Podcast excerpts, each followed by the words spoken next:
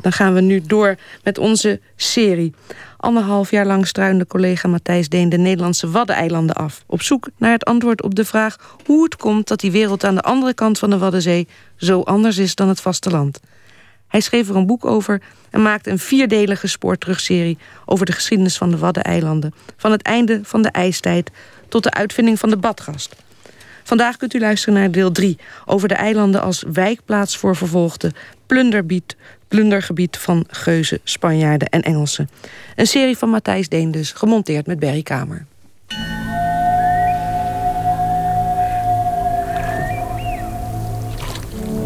Het is december 1531, vroeg op de dag.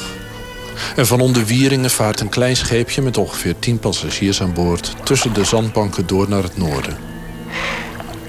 In de late ochtendschemer zijn de duinen van Texel nog maar net te onderscheiden. Over bakboord zijn de rietlanden en dijkjes te zien. Het vasteland van Holland dat de passagiers zielsgraag willen ontvluchten... omdat ze zich daar een tijd in het riet hebben moeten verstoppen... voor de dienaren van het Hof van Holland. Op hun misdaad staat de doodstraf, door vuur of zwaard. Ze hebben zich namelijk als volwassenen laten dopen. Ze zijn voortvluchtige ketters onderweg naar de relatieve veiligheid van het eiland. De wereld aan de andere kant van het Marsdiep. Waar de bewoners geen problemen hebben met eigenzinnige gedachten. Maar wel met de bemoeienis van overkantse heren of al te ijverige schouten. Ik zou bijna, zeggen, dat is vandaag, vandaag de dag nog zo. Uh, Tesla's hebben er een handje van om hun eigen zaken te regelen. En, uh, ja, nou, dat, die mentaliteit is er nog steeds. Kom niet alsjeblieft met te veel regeltjes. Dit is de Tesselaar eh, Gerard van der Kooi. Gepromoveerd op de geschiedenis van de dopers op zijn eiland. Tesla's gaan het liefst hun eigen gang en eigenlijk altijd over de streep heen. Goed, sorry hoor. Dat, ja, het, het eiland waar de dopers uiteindelijk zouden landen... had weliswaar een overijverige schout maar zijn pesterijen leidden er niet toe dat de ketters weer aan het Hof van Holland werden uitgeleverd. Het eilandenbestuur zat de schout dwars waar het maar kon. En vervolging om ideeën, daar hadden de eilanders geen enkele ervaring mee. Er zijn wel mensen voor allerlei dingen af en toe bestraft... maar niet in verband met religie. Niet met, uh, in verband met de dopers. Dus in die zin uh, kijk, al die civiele processen die heb ik dus inderdaad verzameld. Maar en, daar komen natuurlijk ook dan rechtszaken in voor. Van Jan tegen Piet om een stuk grond of om een erfenis, om wat dan ook.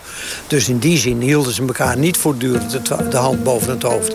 Dat is godsonmogelijk, want uh, jij zit met een samenleving van een goede 3000 mensen uit het hoofd gezegd. En uh, ja, daar komen nu eenmaal erfeniskwesties, er komen ongelukken, weet ik wat voor. Maar het ging niet over godsdienst? Het ging niet over godsdienst, nee. Daar is geen, in elk geval geen woord van overgeleverd in welke rechtszaak dan ook. En dat zijn er echt duizenden. Het was een katholiek eiland met een katholiek bestuur. De schepenen waren katholiek. Iedereen was katholiek in die periode. Maar er is mij geen enkele zaak bekend waarin een afwijking van de katholieke godsdienst reden was tot een rechtszaak of wat dan ook. Er is nooit een aanklacht geweest van de ene burger tegen de andere om godsdienstige redenen. Vandaar dat ze, toen Tessel in zicht kwam en het vasteland achter ze kleiner en kleiner werd, dat lichte gevoel zullen hebben gehad dat iedere vastelander kent die na een lange reis de zee bereikt en het eiland ziet liggen. Die eigen wereld in zee, los van alles. Met het vroege winterlicht op de duinen en de witte strook branding langs het strand. Zo kwam de reformatie naar de eilanden. In scheepjes vol kleumende, maar opgeluchte mensen. Stijfkoppen met lichte ogen. Blije onruststokers. Mannen en vrouwen die de pastoors op de wal... met hun verboden geschriften en opvattingen om de oren hadden geslagen. De zekerheid van het einde der tijden die op handen was, dreef ze voort. Maar de angst voor de brandstapel ook.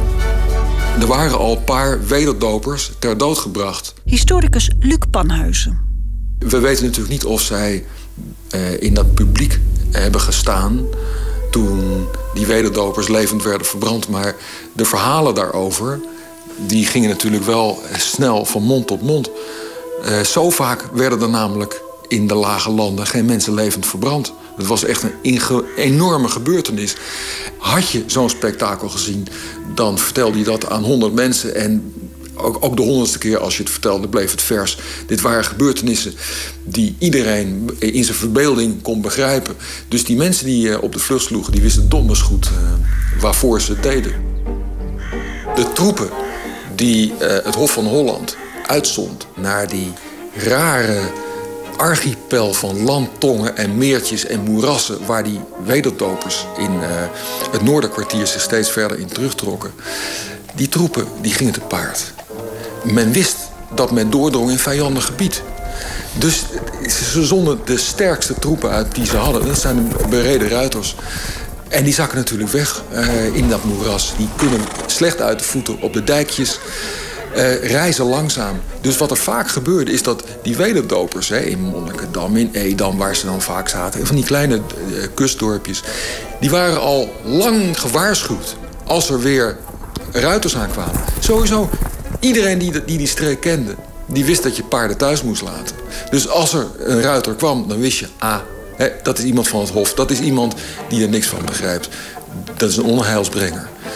Dus je trok je terug in het domein van het water, waar het gezag wegzakt. Ze zoeken de leegte op, ze zoeken waar ook geen bedillerige overheden zijn. Je kunt daar opnieuw beginnen. Je kunt jezelf daar uitvinden. Dat is de ruimte die eilanden eh, dit soort mensen bood. In de decennia die volgen verschijnen de dopers ook op andere eilanden. Terschelling en Ameland waren vrije heerlijkheden eilanden waar het Hof van Holland niets te zoeken had. Daar bouwden ze kerkjes die ze vermaningen noemden. De dopers werden al gauw gewone eilanders. De voorhoede van de reformatie in een overigens katholieke... maar ruimhartige bevolking die zich ver wilde houden van het vasteland. Ook als daar weer eens de zoveelste schermutseling uitbreekt. Maar dat deze opstand niet onopgemerkt voorbij zal gaan wordt duidelijk als er op de reden schepen verschijnen met piraten aan boord die zich watergeuzen noemen en aan land komen. Ze zijn twee keer geweest. En twee keer hebben ze hier wel uh, nou ja, de beesten een beetje uitgehangen, zeg maar. Wat hebben ze gedaan precies? Nou ja, ze hebben daar al die verwoestingen aangericht. Maar op het kasteel hebben ze ook dus uh, mensen vastgehad. Ja, want daar zijn wel beschrijvingen van geweest dat het daar wel een beetje uit de hand gelopen is. Dat ze iemand dan echt uh, vastgehouden hebben een tijdje, zeg maar. Voormalig chef van het Zorgdragermuseum op Ameland, Pieter Jan Bors... in de grote protestantse kerk van Holm. Die in 1569 door watergeuzen is verwoest. En dat er nou losveld voor betaald is, dat weet ik verder niet. Maar er is wel wat los geweest daar.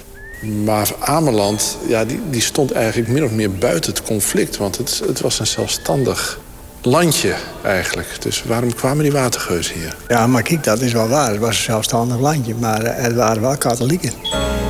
Er waren katholieken te bouwen. En de heer van Ameland, die was volgens mij toen ook nog katholiek.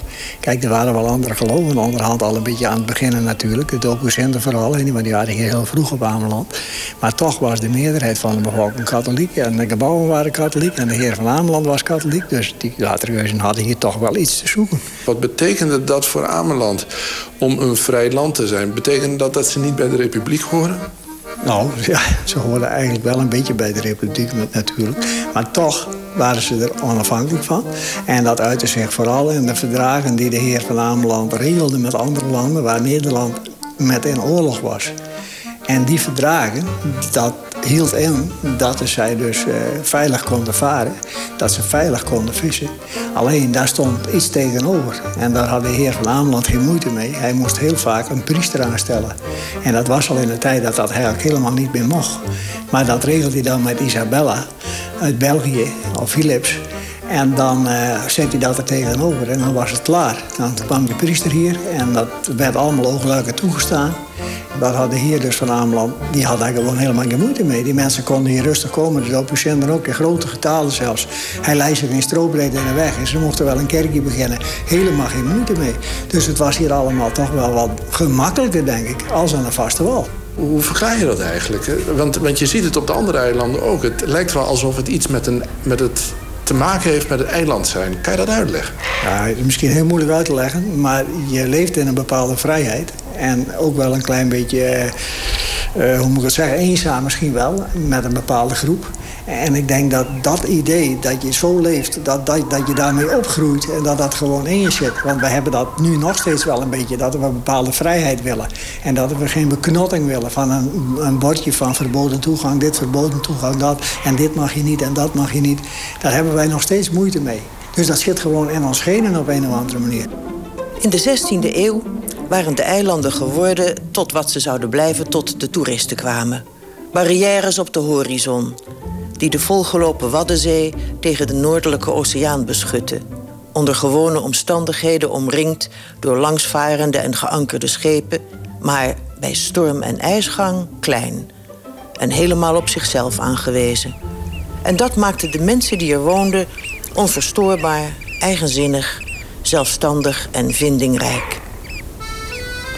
Thuisvarenden en passanten waren altijd blij aan land te stappen. Het betekende dat ze de zeereis hadden overleefd en dat de grond onder hun voeten tot rust was gekomen. Door weer en wind gebruinde cosmopolieten waren het. Die in en om hun kleine stormvaste huisjes redderden en zich schikten naar het regime van hun zelfredzame vrouwen. Wie dag in, dag uit aanspraak en inkijk dulde, kon zich voor langere of kortere tijd vestigen. Eilander zijn was nooit een geboorterecht, maar een mentaliteit.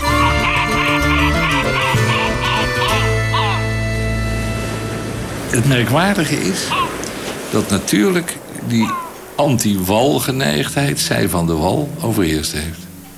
Maar hij overheerst bij een bevolking die je eigenlijk nauwelijks autochtoon mag noemen... omdat hij uit wisselende zeelui, et cetera, bestaat. Dus als er al een cultuurverschil is, dan is het een cultuurverschil... dat niet wordt bepaald door geschiedenis, maar wat wordt bepaald door afstand. Historicus Anne Doedens werkt aan een kanon van alle eilanden... maar blijft ondertussen stevig verbonden aan het eiland van zijn mede-auteur... Jan van Vlieland. Het zijn eigenlijk zelfstandige staatjes. Hoe komt het anders dat de schout van Vlieland in het midden van de 17e eeuw nauwelijks geaccepteerd wordt? De man heeft gierende ruzie met de burgemeester van Vlieland. Een merkwaardige samenleving. Een samenleving die inderdaad van de wal haalde wat er nodig was. Geen bemoeienis wilde eigenlijk, vandaar die ruzie met de schout. En die mentaliteit die wordt bevorderd door het gevoel heer te zijn van de golven. Die wordt bevorderd door het feit dat men daarbij het vlie zat. En dan kwam alles aanvaren uit Amsterdam. En eh, de macht van de republiek kwam voorbij zitten. Eind 16e eeuw zal het verkeer tussen Holland, Texel, Vlieland en Terschelling zo toenemen dat de interesse van vastelanders voor het reilen en zeilen op die buitenposten gewekt wordt. Er landen nieuwsgierige reizigers alsof ze op ontdekkingstocht zijn. Arnoud van Bugel was een, eh, een, iemand uit de stad eh, Utrecht, een geleerde. Die heeft in Utrecht alle mogelijke monumenten van oudheid heeft onderzocht en beschreven. Voordat uh, protestanten allerlei schade aanrichten aan kerken, katholieke kerken. Arnoud van Bugel heeft een reis gemaakt als secretaris van, ik geloof een bisschop. En die beschrijft de eilanden.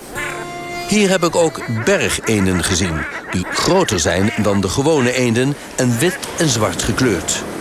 We hebben ook op een zandbank zeehonden of zeekalveren gezien, die in de zon lagen, een grote massa.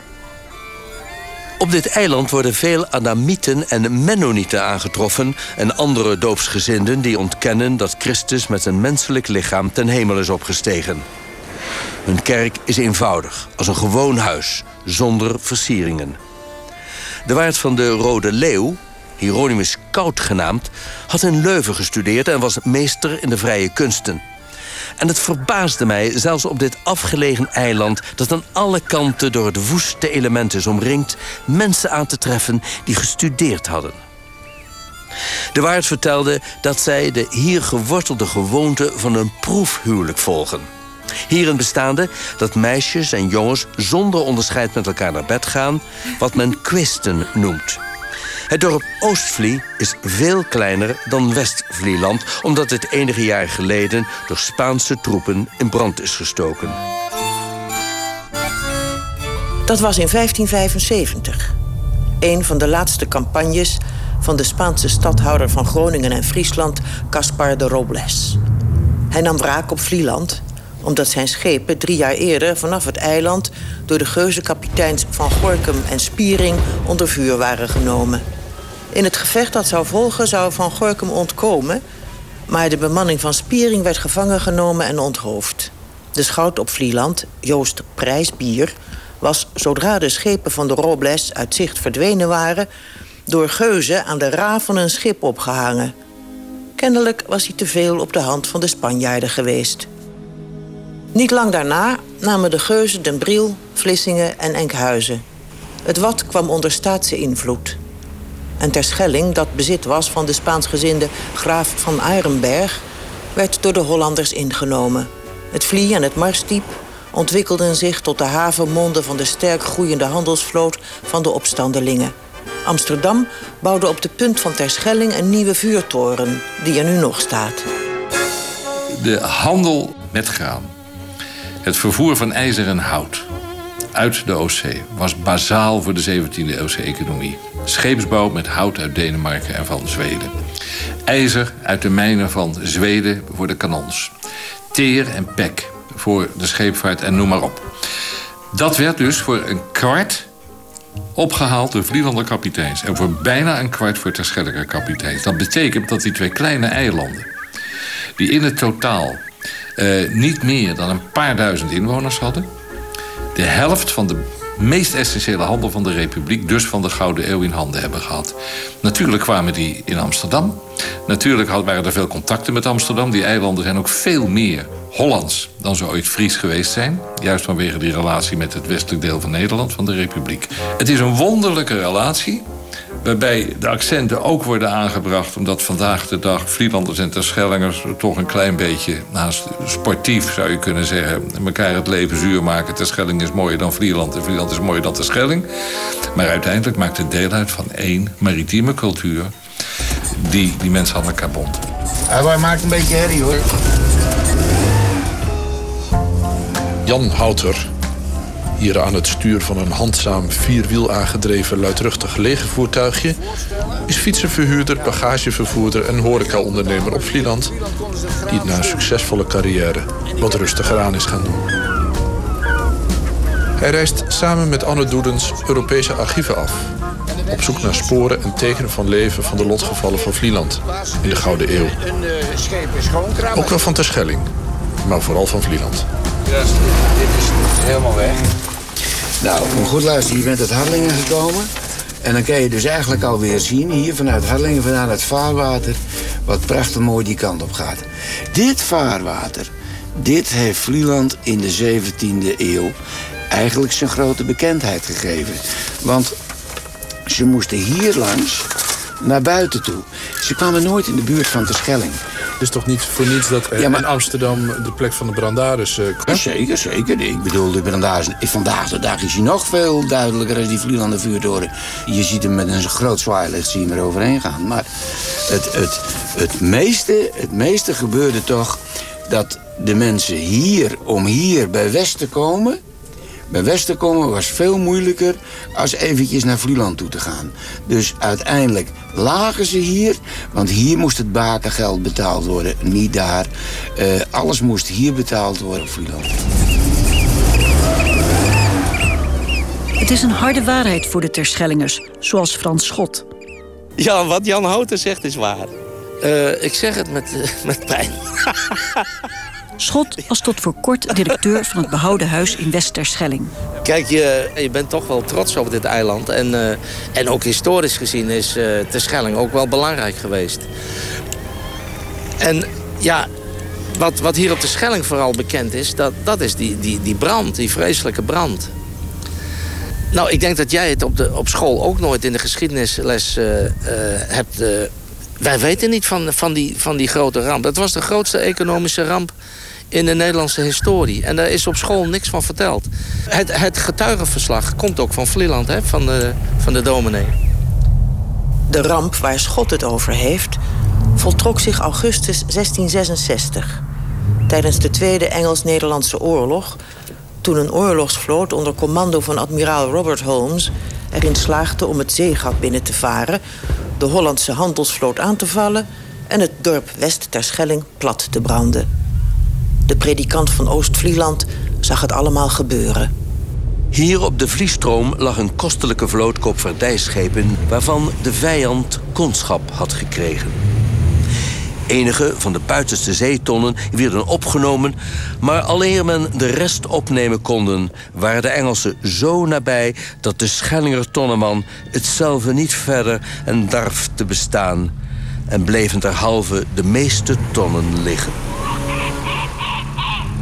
De koopvaarderschippers gewaarschuwd zijnde achtende het ondoenlijk voor de Engelsen om zo verre de vliestroom in te komen. Maar de uitkomst leerde wel anders. Terwijl ze al laverende met de oorlogsbodems, branders en kitsen het boomgat zonder haperen tot bij Terschelling kwamen. Hierdoor kregen de Engelsen de handen vrij om voort de vloot in vuur en vlam te zetten. Dit is helemaal dit, dit is, uh, ik kan me nog voorstellen dat het hier tot aan de haven toe was het allemaal prachtig breed strand. En moet je kijken, nu gaat er een, moet je kijken wat nu gebeurt. Hè? Je ziet nu een jacht weggaan. Hè? Die gaat hard, zeg. Die gaat op de stroom. Dat komt dus op de stroom, hè. En moet je kijken, man. Zo'n zo, zo jacht in die stroom mee, gaat dat? Daar hebben de Engelsen in 1666 ook gebruik van gemaakt. Die deden, die plek gaan we straks heen, waar ze de branders aanstaken om in die vloot te jagen. En dat gebeurde dan dus dat het vloed werd. Dan komt het water stuwt naar binnen toe. Nou, daar dreven die, die, die branders op mee en dan ging het nou. Moet je nagaan. 150 tot 170 stonden er hier in de fik. Ongelooflijk wat het gezicht geweest is. Het was hier gewoon een, een, een film. Het was een plaatje wat je hier voor je ogen zag gebeuren. Goed, we gaan verder kijken.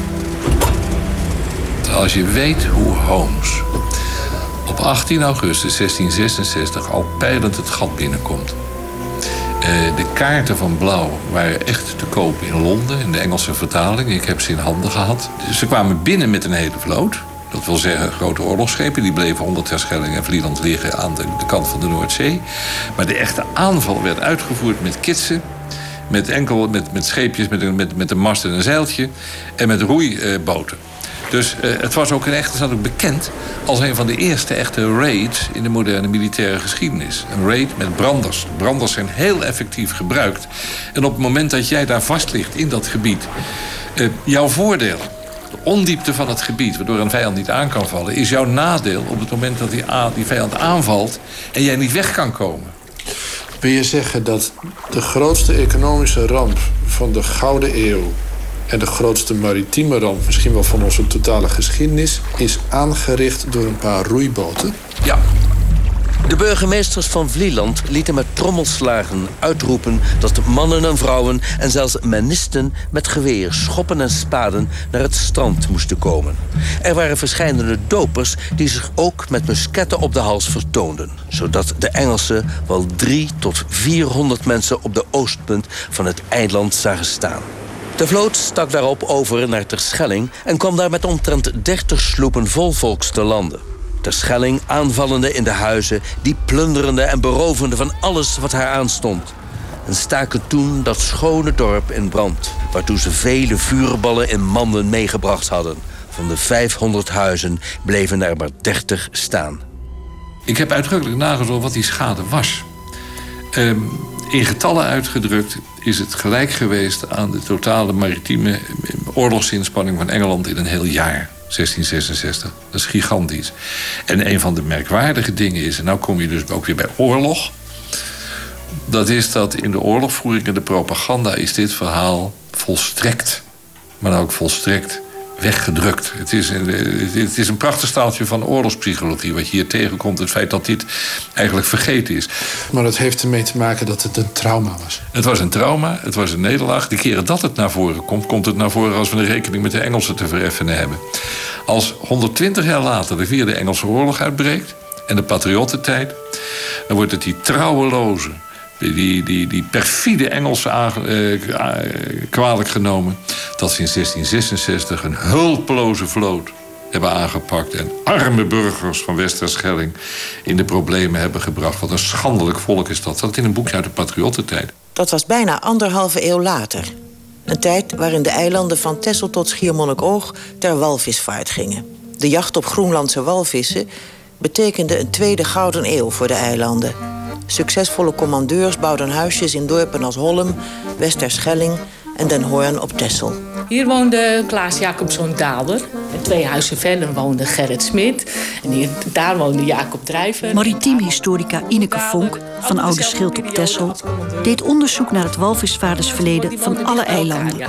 En in dezelfde soort huisjes was dit uh, in die 18e eeuw.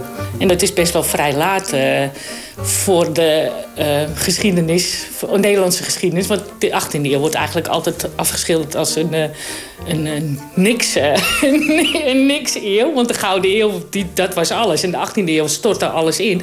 Terwijl juist die walvisvaartgeschiedenis hier op de eilanden en de Nelderhuisduinen gewoon in, in geweldig toenam. De Schelling en Ameland die zijn ook pas na echt begin van de 18e eeuw begonnen. En daarvoor ook helemaal eigenlijk niet. Of sporadisch één of twee die, die genoemd worden, maar niet niet elk jaar en niet tientallen jaren achter elkaar. Dus het, het is echt, uh, echt 18e-eeuwse arbeid voor de Waddeneilanden. De walvisvaarders van de 18e eeuw waren wintergasten op hun eigen eiland. Ze vertrokken in de lente en kwamen pas tegen de herfst weer terug. Het waren grote, dikke walvissen. Ze joegen ten noorden van Spitsbergen of in de straat Davis tussen Groenland en Canada maanden varen van huis. Je moet niet vergeten, met die walvisvaart... Uh, er zaten altijd rond de 40 mensen aan boord. En bekend is dat uh, elke commandeur toch wel 10, 12 mensen uit zijn eigen omgeving meenam aan boord. Ja. Dan waren in feite die schepen een soort varende dependances van zo'n dorp. Ja. Ik stel me dan ook voor dat ze in, in de winter ook veel met elkaar meer optrekken. En op die schepen ja, is het waarschijnlijk een beetje veiliger als je mensen ook kent. Ze passen op elkaar. Je weet wat je aan elkaar hebt. Dat is ook belangrijk. Ja, dat kan ook heel, kan ook heel na zijn. Het kan ook heel na zijn. Er zal ongetwijfeld ook wel ruzie zijn natuurlijk. Het eiland voer een beetje mee. Ze gingen hier ook echt vandaan. En ze kwamen hier als eerste weer terug. Het eiland is toch altijd wel uh, een plek waar ze dan thuis hoorden. Als er iemand overleed aan boord, wat gebeurde er dan? Er kwam eigenlijk heel weinig voor. Ik doe ook onderzoek naar de Tesselse VOC'ers. Daar had ik bijvoorbeeld 350 namen. En die was meer dan de helft overleden op de eerste reis. Ik heb 350 namen van Tesselse walvisvaarders en het is 2% wat overleden is. Zijn er mensen overleden, dan werden ze op een, nou, hier op Texel begraven. En wanneer ze dan ook overleden waren, in mei, juni of juli, augustus, ze werden op het eiland begraven. Ja, ja je gooide ze niet overboord? Nee, ze werden niet overboord gegooid. En als het even kon, mee naar huis? Ja. En als je dan bedenkt dat hier in de Noorden in een bepaalde periode zes commandeurs waren... en als die 60 mensen uit een omgeving meenemen... De, eh, de mannen met de jonge leeftijd, eh, die uh, waren allemaal verdwenen de hele zomer eigenlijk. Dus, dus op het moment dat die schepen zijn uitgevaren... dan is dit dorp veranderd? Ik denk het wel, ja. Ik zou ook wel graag nog wel hier willen rondlopen. Maar ik denk dat er uh, gewoon een hele andere cultuur dan is. Uh, vrouwen deden veel, veel dingen.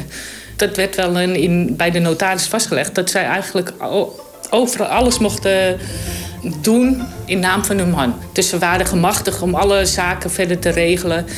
En dat zie je bij boeren, zag je dat, zie je dat eigenlijk helemaal niet dat dat gebeurt zelf. Dus als boerendochter moet je eigenlijk een zeevarende trouwen. Daar heb je veel weer... weer... heb je weer veel meer macht, eigenlijk.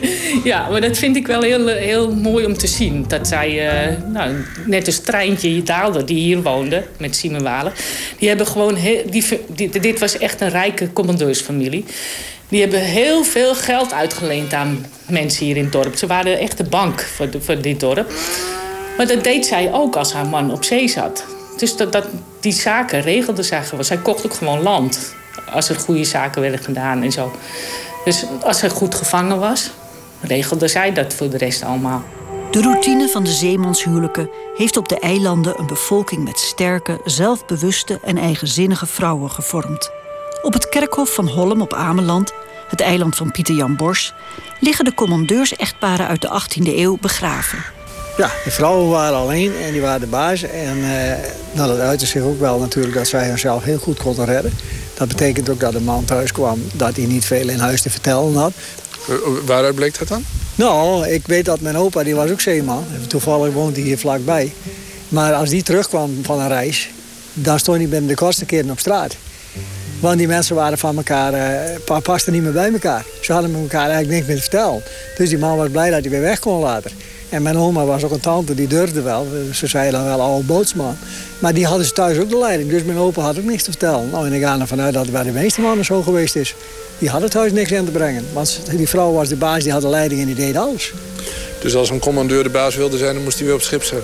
Dan moest hij aan boord wezen, want daar kon hij de baas uithangen. Maar thuis niet. Dat was, had iemand anders de leiding, dat is duidelijk.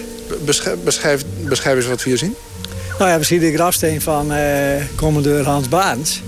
En op de steen staat dus geschreven dat hij 68 jaar wordt.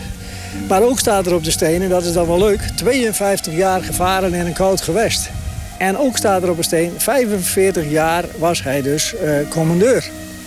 Nou, en die van de vrouw die er dan naast staat, die is in 1781 overleden. Daar staat op den eerbare huisvrouw. Dat betekent huisvrouw is een beroep. Daarom staat er een woning op de steen. En eerbare betekent dat zij heeft kinderen gekregen. Het huis staat uh, op de grafsteen van de vrouw en op de grafsteen van de man. Nou ja, daar zie je dus een, uh, een tafereel van de walvisvaart. Je ziet het schip De Jonge Jan, want zo heet de boot. En daarvoor ligt een klein roeibootje met twee matrozen erin. En dan uh, links van het schip ligt de walvis. De zeilen die zijn omhoog en dat betekent symbolisch... de reis is voorbij, de reis is ten einde. Je ziet dus uh, het levensverhaal van de man. Je ziet het levensverhaal van de vrouw... dat in minder bloemrijke taal is gesteld. En je ziet op elke steen het domein... waar de vrouw de baas was en waar de man de baas was. Ja, dat is juist. Het huis voor de vrouw en het schip of de zeevaart voor de man. Dat, is, dat klopt, ja. Zo liggen de oude zeemansparen in aparte graven naast elkaar. Volkomen gelijkwaardig, maar apart. Ze hebben parallele levens geleid, maar naderden elkaar altijd weer. Ook zij die ver op zee overleden liggen er. Even luchtdicht gekist als het walvisspek. Diep in het koele ruim tussen de vaten, vastgeshort tegen de gang van de zee. Zo voeren de doden thuis. Om te eindigen waar ze hoorden. Onder de bomen van hun eigen eiland in de schaduw van hun eigen kerk, omringd door hun eigen mensen. U hoorde deel 3 van de geschiedenis van de Wadden. De stemmen van Astrid Nauta, Peter Brussen en Nelleke Noordervliet... met dank aan Marcel Tettero. Volgende week in het vierde en laatste deel bezetters en badgasten. En het verhaal is gebaseerd natuurlijk op het boek De Wadden... een geschiedenis van Matthijs Deen.